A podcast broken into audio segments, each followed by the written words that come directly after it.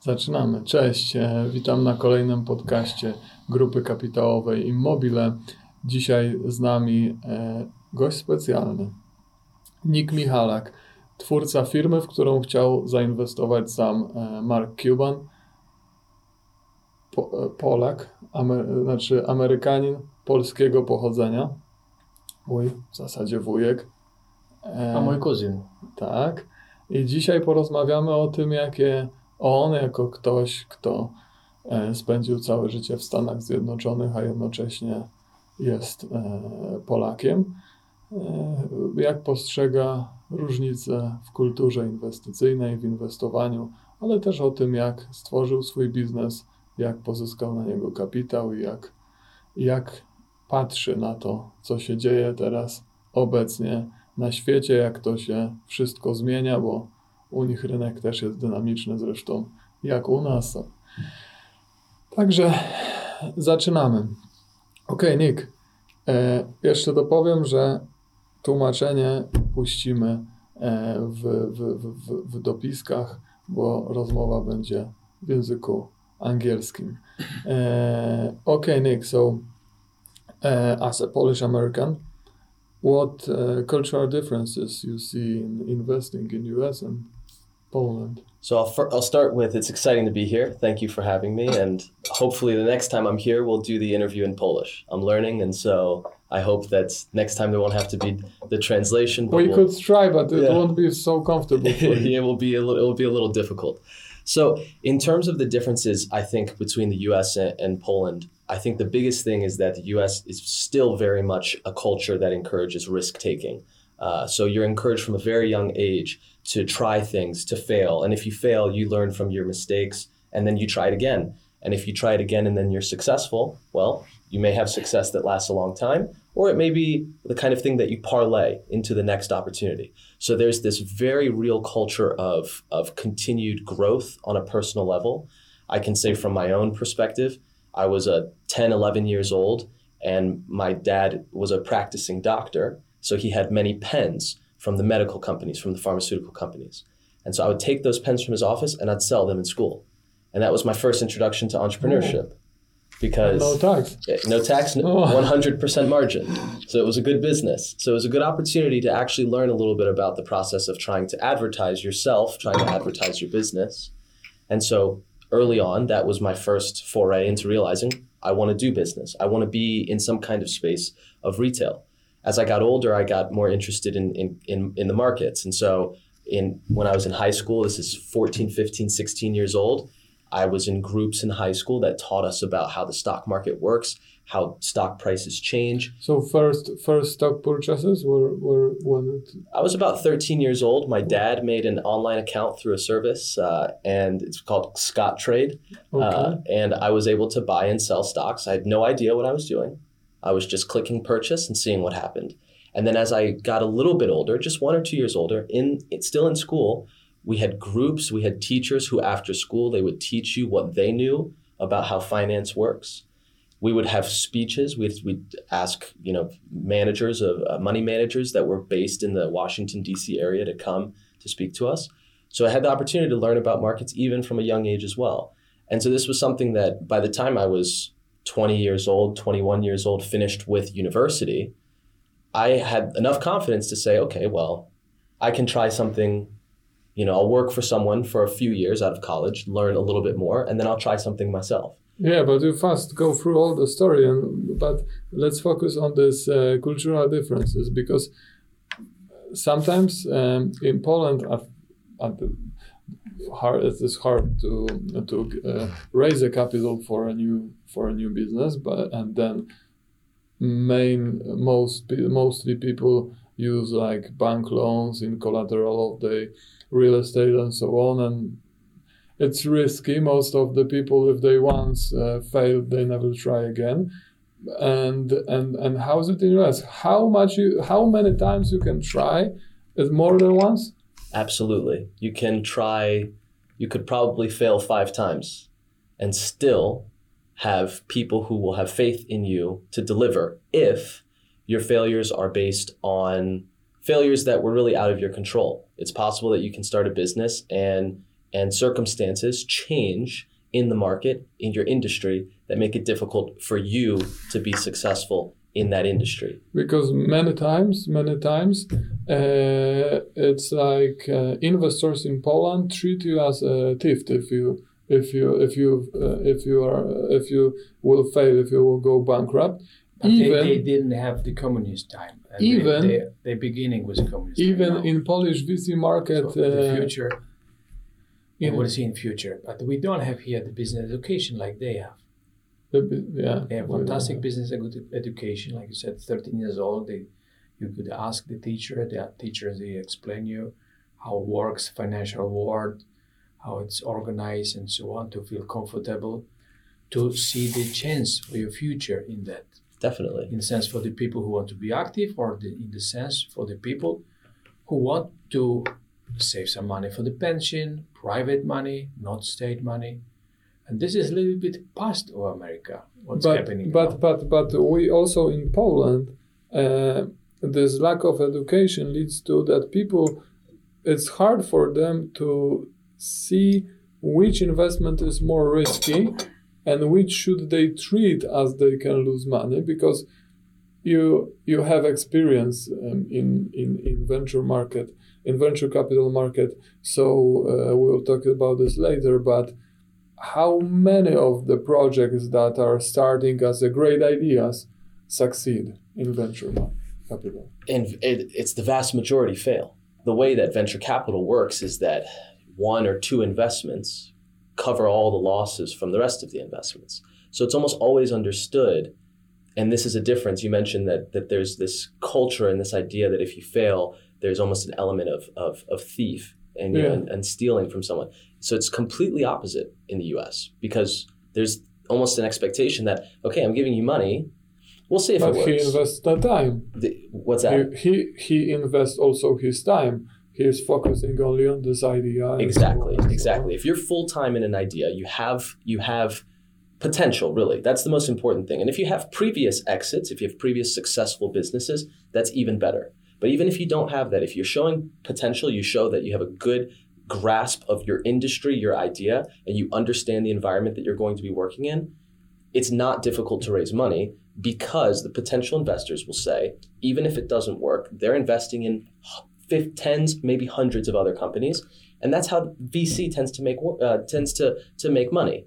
So there's this idea that failure doesn't end your potential in the future, and if you fail once, you can start the next thing, and maybe you'll succeed. So out of out of a hundred of the venture capital's ideas of the like say early stage companies, out of the hundred, how many will survive? Uh, survive. I mean, many so, may survive. But how many but... will like pay the pay, pay pay for the rest? one, two. So it's a risky absolutely kind of investment. Absolutely. Okay, and and uh, to be honest, in po- in Poland, I don't see a developed uh, uh, VC market. I don't know why it is like this, but I think it okay. all comes back to this culture of encouraging people to try things. We, they say jump off a cliff and see if you can fly. Okay, but after after after your education, after university, how it all start, started for you. You started after education. You started with a new company, or it was like. Uh, so I had developed a company while I was in college, and it was a company to help people when they would go to sporting venues okay. to be able to buy food and drink oh. concessions. And so I was very fortunate that that gave me the opportunity to get a job at a small private equity firm that made investments in early stage companies. Mm-hmm. And so I spent a couple of years learning about how to make proper investments in these early stage companies, how to do the due diligence, how to see the potential in, in, in these prospective entrepreneurs uh, that could be uh, that could receive investment from the private equity firm where I worked. And so I used those two years as a stepping stone to learn about well, what do you do properly and what can you do to make your business fail? And so, in this period of time, my father, again, who's the internal medicine physician, retired internal medicine physician, he had developed an idea that helped him improve his sleep. And so, he was telling me about this idea over the course of many years. And so, when I was learning about how do you start a business properly, how do you go seek capital, how, what steps do you need to take to be successful pre market, And then what step, steps do you need to be in the early stages of being on the market, the most important period of time? I said to him, let's go, let's develop the product and let's get it on the market. And so that's when I turned my focus to instead of working in the private equity space to being a startup founder. And that's when we started this company, which is we now call Somnifix. And it helps people with snoring. And if you have sleep apnea and use a CPAP machine, or if you have uh, the surgery associated with, with sleep apnea called Inspire, or if you use an oral appliance, this product can also help you improve compliance with those products. I, I, I, I slept with in this device several times and it I don't have any problems, but uh, it, it, it, it, it also forces a deeper sleep, and it was for me it was okay. That's true. We have a focus on breathing through the nose, and when you breathe through the nose, we have seen that anecdotally you can have much uh, much higher quality sleep. And so I actually don't snore or have sleep apnea either. Uh, but I use the product because I noticed that. What is interesting for our audience is uh, uh, when you started that project. So officially, we we went to get the first patents. So as a business, we now have about 75 patents, and we cover you know the entirety of the European Union. We have, of course, North America, and we have some other key markets uh, globally. So we started with the patenting process in 2013. Uh, so we received our first patent in 2014. I, at that time, was still working in private equity. So we started the business in earnest in 2016. So we went uh, we had clinical studies done on the product to learn how well the product could work. Those clinical studies finished in 2016 at Harvard Medical School. And uh, at the culmination, excuse me, they started in 2016, they finished in 2017. When those studies finished in 2017, we did a sprint to market, it took about three months. We got the product on the market at the very end of 2017. And it's been now about three and a half years that it's been on the market. So, so three and a half years, and you are selling how much? We do about $10 million a year in sales. Selling uh, what channel? We sell specifically, we are a fully digitally native brand, which is to say that we sell only online. So we sell on Amazon and we sell on our own website. And then we have a, a couple of, of, of, small partners that also handle so, some sales for so, us. So, so you getting, sell directly uh, to the customer? Directly to the customer. We'll go. Uh, you don't the, sell through pharmacies and so on, no. We have maybe 2% of our sales that we sell through small brick and mortar, but it's more just to have us. A, for some of our customers, it's difficult for them to purchase online, so we make we try to make it easier for them to be able to go to a store. We will go into details later of the Somnifix e-commerce business, but uh, I want to ask you also a question. Yeah, so how do you raise your funds to, to, to, to pay for clinical studies, to pay for entering a market, to pay for patents and so on, to be on in that the, on that moment? In that moment, I went and I pitched the business to many investors. And the way it works in the early stages before you have proof of marketability is that you talk to 10 investors and 10 turn you down and so then you talk to 10 more, and maybe one gives you a follow up. But uh, looking back on your experience with the funds and so on, you, you were mostly talking to private investors or institutional? No institutional investors. At that okay. early stage, I made a strategic decision that an institutional investor would probably not be the best partner for us pre market. Because by taking institutional money, we would be giving up a lot of equity and a lot of control. So we sought to have as much control as possible of the business early so that we would be able to launch the business and get the business on the market the way that we wanted to do so. So what I did was a mix of reaching out to private investors and also taking big big liabilities myself. I took but, loans and but some would some would say that it is a longer process because then you have surely smaller amount of money and so on. But, but it also helped. I don't know. It helped you to to to get on let's say you get very fast, but to get it slower than with institutional. It's true, but there's always a trade off. So you can maybe launch a product faster and you can grow a product faster. And that remains the case till today. We never brought an institutional investor on board, which means that our growth is slower.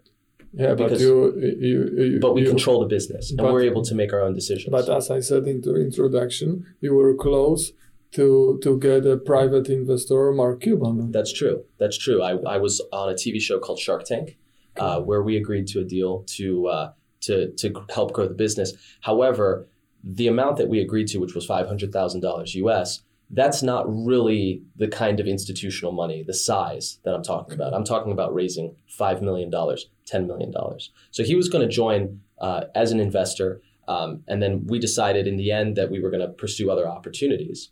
However, when I mean raising money institutionally, I mean even today, going to a VC and saying, okay, how about we raise $5 million or $10 million, and then we dedicate 7 million to customer acquisition and we know based on the way that we run ads, okay, if we dedicated $7 million to, to customer acquisition, we could grow our sales. We could double, maybe even uh, go, you know, 2.5 uh, X sales.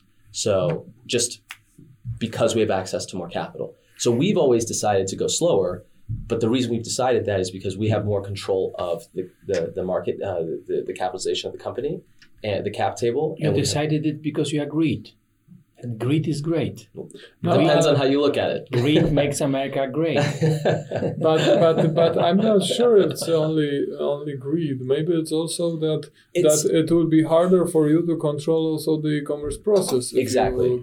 So when you when you bring on board a VC, they have special powers and rights where they can help. They can basically determine many of the decisions that you may not want to take so for us, we looked at it as purely yes, it's it's vastly improved to own the, the, you know the overwhelming amount of the the equity in the business. So that's a huge benefit. However, we may own less equity but have uh, revenue of five x what we have now, and so maybe it ends up being the same in terms of of what the the valuation of the business would be from from an equity perspective.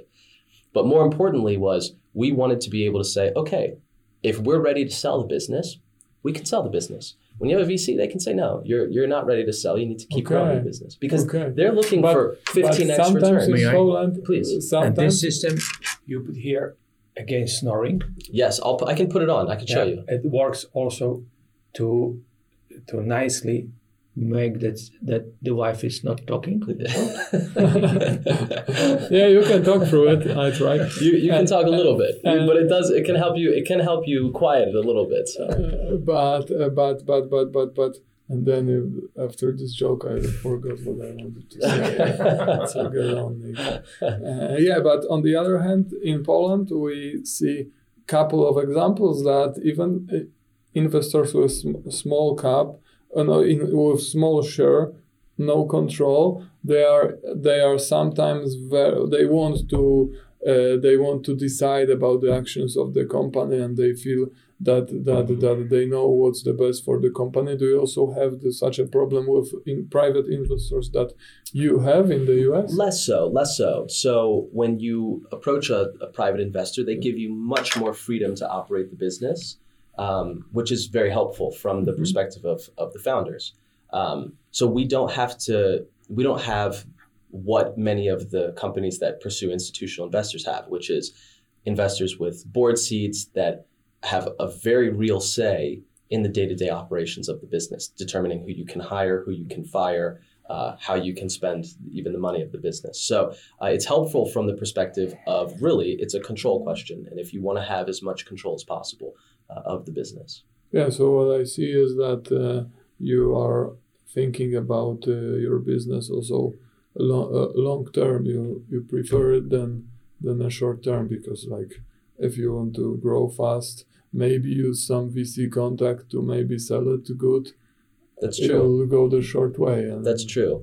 That's true. And and our our horizon has always been to look as long term as possible. And so we look at the at the industry we are in a space where, as I'll show you this product, you know, you put this product on your mouth, to, and the whole point of the product is to close your mouth. And this is an industry that really didn't exist, at least the way that we do it. It didn't exist before we launched our product. And it's growing into a very significant piece of the sleep market, especially as relates to breathing.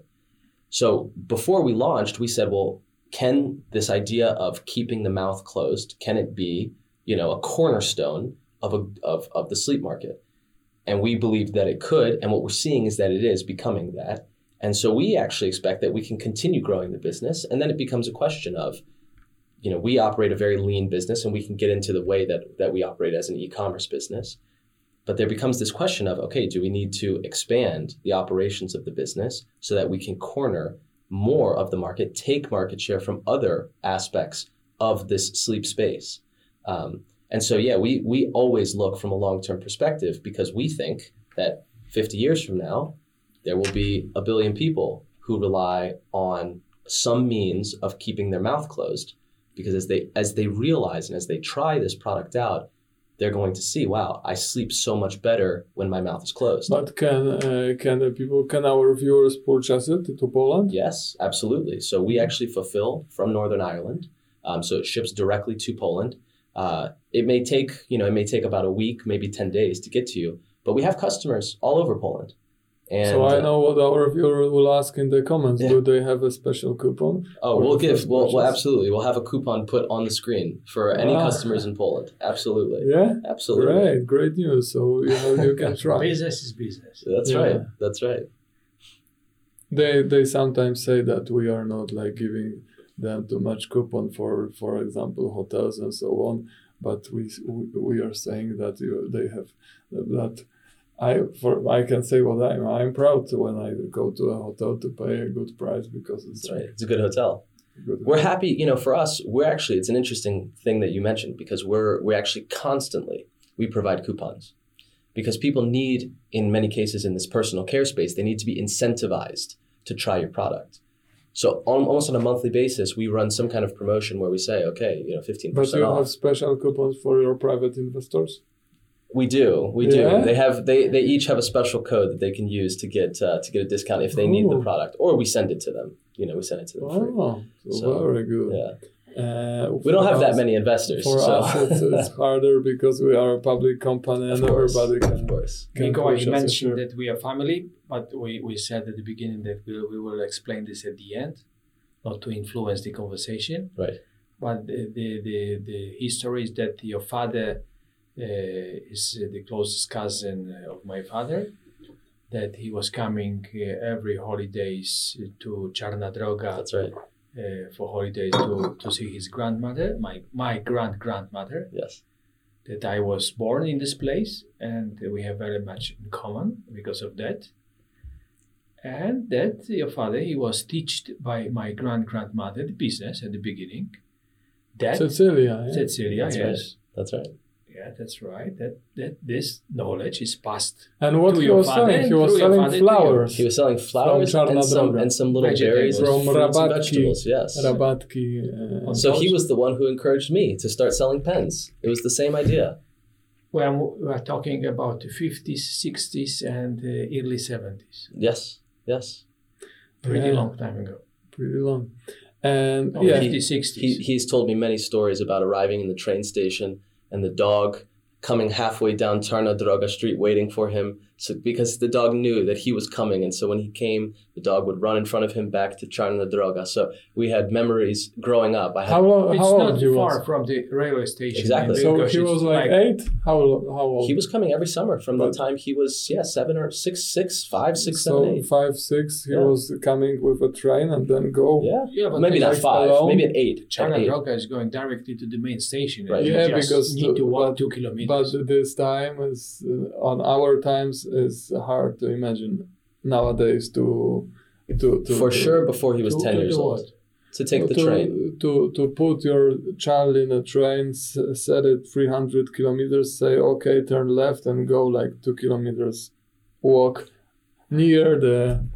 uh, He walked along the train. track. Yeah, Just go along the track. Yeah, it's easy. It's easy. Yeah. Okay, but uh, coming back to the business, as like um, Oponeo founder, we uh, Ryszard Zawieruszyński, uh, who we hosted uh, a couple of weeks ago, uh, he said that for his e-commerce business, the most important is average order value, and they are focusing big time on that.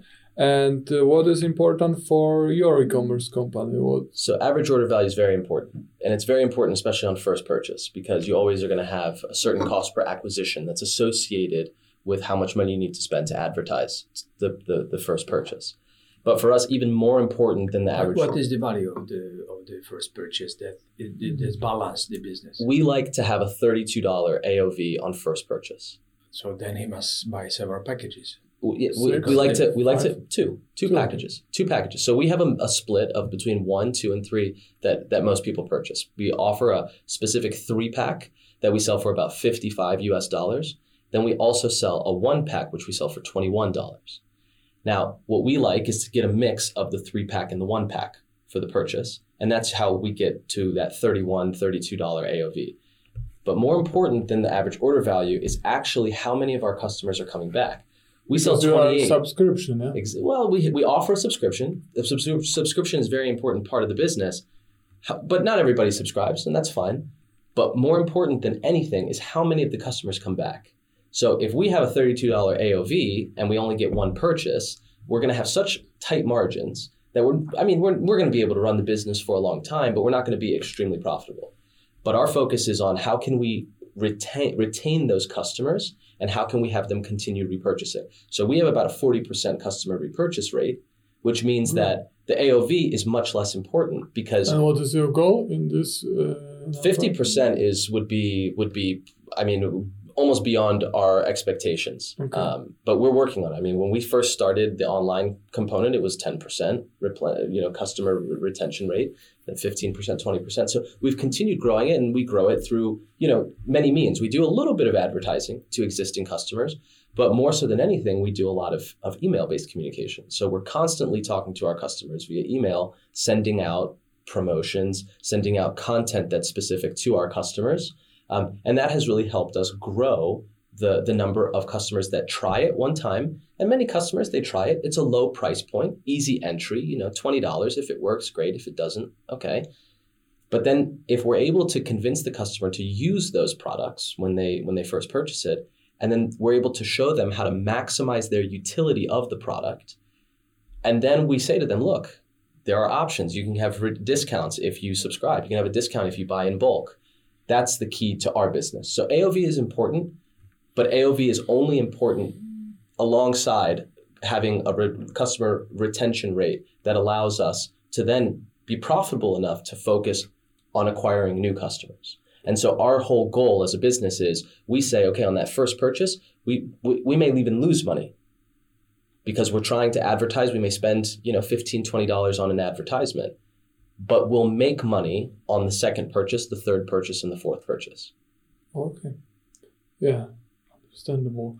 And uh, during our podcast, uh, we sometimes uh, also uh, talk about uh, geopolitical, political top- topics, and it would be hard for us not to ask question, even though from time to time we are banned. So maybe you will talk. You can you you know this this YouTube stuff better than than than we. So mainly maybe, but. mm, how do you see how your family sees the differences because between nine, uh, 1970s when you come when your father came to to the 1980s US yeah. 1980s and now so it's like 40 years and how it changes and if he's uh, if if if he likes those changes or doesn't like it's like I don't want to make any tests this year but how do you see Well, I think the business environment is changing. The political environment is changing. The business environment is changing. It's constantly evolving. I think the most important thing, as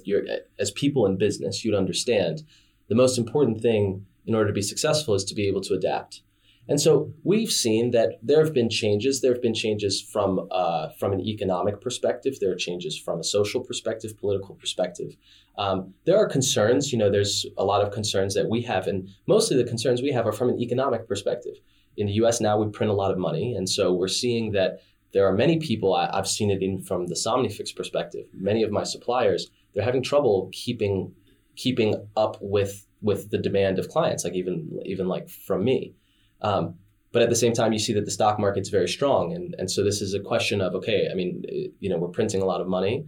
What's the actual effect on the economy gonna, be, and are we are we going to enter a period of really, you know, almost hyperinflation in the U.S. Prices are going up, our wages going up alongside it. How is that going to affect the customers of Somnifix? I mean, that's the big question that we have. Um, and can we get control of this inflation? And I would say probably the only way to get control of it is is really, you know, we have to stop printing money at some point, and we'll have to actually address interest rates.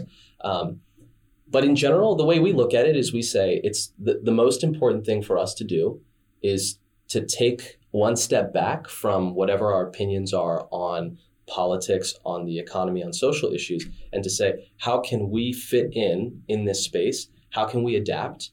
And how can we make sure that we can thrive? Our investors can thrive along with us, and we don't put anyone in a position where we say, okay, well, you know, uh, the tax rate has changed, so we can we can no longer run a business and it's yeah. over. So. Yeah, so it was very diplomatic. If you will run for an ambassador in Poland, I think that that they have a free space. I don't know if you just, uh, just tell them, but we, we we also think like this: how it will it will influence us, and because we uh, from the collapse of the communism, I'm, I'm a bit too young, but we at the beginning of the relation between our families are uh, going on for a long time because of our uh, common uh, common ground, common ground, and the common way of thinking. Yes, uh, think uh, the the they run the world. This is easy because yeah, this is why we easy communicate and we have a lot of common. Even uh, we are living in completely different exactly. countries. But after the collapse of the communism and what and how Poland developed, I think we looked up to America. We, we uh, very strong anti-communist family. Anglo Anglo-Saxonian model of thinking about the business, about right. the free market, and so on. Right. And it was good that it was spread all over the world, with also with the democracy. But now we ask questions because the ideas that came, the, our media presenting that they came from the U.S. seems us like we know them and we know that they weren't successful in the right. But, but past. So and then we ask questions do you have also such a feeling? Or did they have some general view uh, that it will be successful? Because i don't know why to change a successful model why to change american dream. Well there there's a number of questions about you know uh, fairness and, and other issues where where access to uh, access so to America the markets, is not fair. I, I don't know that I would agree with that with that uh, view because I think that people have incredible access to the markets. But this is actually also the job of people to help show that look, no matter where you come from, you can have access to the markets and you can be successful. And I think the biggest issue that that the US is running into is that there's a little bit of a disconnect uh, between the opportunities that have been shown to have been existing and then what's happening in reality. And I think the biggest problem is that you have a lot of this almost goes back to money printing. You have the people who are the first to receive the benefits of the money printing, which are in many cases, uh, you know, these large companies that are seeing that by fomenting this kind of disagreement among people, they're becoming more profitable. And so it's really a question of are they making their money from just purely capitalistic intentions, or are they making their money from seeing that there's an opportunity to get in between issues that may become very emotional for people?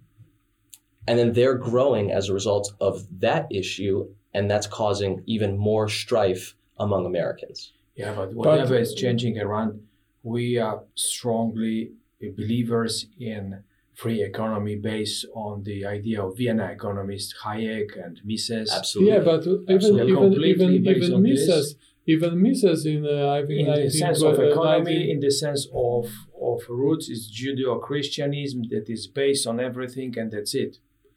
And uh, but but even, people are even playing, I'm, around, I'm, I'm, I'm a student. I'm a student of the Austrian School of Economics myself. Yeah, but, but so Nick, strong but, believer. But Nick, so uh, let's say that America spread the democracy. Uh, and on the other hand, we know the thesis of, for example, Ludwig von Mises from 1923 when he when he uh, thought about inflation, and we know that printing money influences inflation. Yeah. And he said that this is very uh, anti-democratic uh, uh thing to do when the government uh, don't have an idea how to how, how how to keep the power and how and is unable to raise taxes. He goes to inflation and that's ask questions and we know that inflation is anti-democratic because nobody vote for inflation. Absolutely not. Uh, it is also nobody screams and so on because mainly people don't understand going back to education.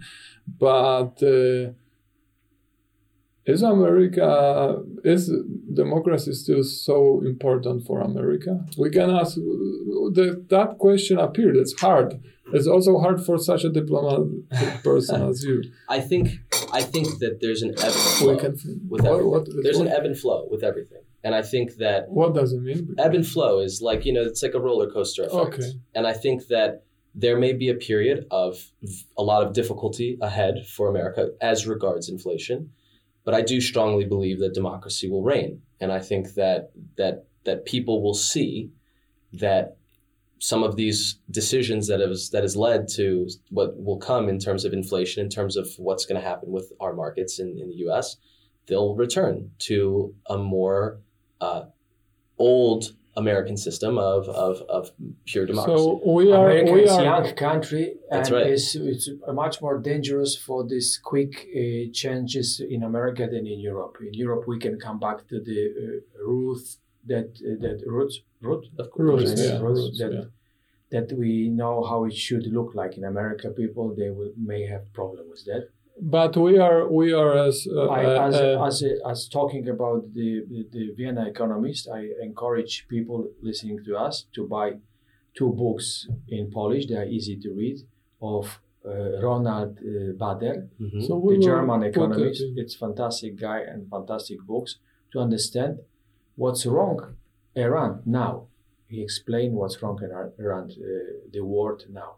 He died 2012, but he was writing these books in Prussians, right? beginning uh, 2000 and he really uh, uh, he really explained what's going to happen in Europe in economical point of view. So a lot of uh, a lot of marketing today. We we have to finish, but it was a pleasure. We are a strong fans of American dream, of American economy, of how America developed. We just keep our As fingers crossed that they that it will still it will still be great country, and and we all hope that that that that that that the politics that have it that have power will know how to do it and we are we are fans of of, of every fr- freedom economy That's right. uh, I- and I think my my father came from Poland. I think he's the perfect embodiment of the American dream. He came to uh, came to America with no money, didn't speak English, and he was able to be very successful. so successful. next time next And- time he comes we will uh, do an Take episode about uh, Czarna Droga Exactly. about how we remember osiedle Rabatki and we will do it in Polish and then we hope that you will keep on with Polish I, I'm continuing to learn. So Yeah. at the end we can speak Polish. Okay. Na Okay. koniec możemy po polsku. to dziękujemy bardzo i Dziękuję do bardzo. usłyszenia e, za tydzień Dziękujemy bardzo, do zobaczenia. Dziękuję.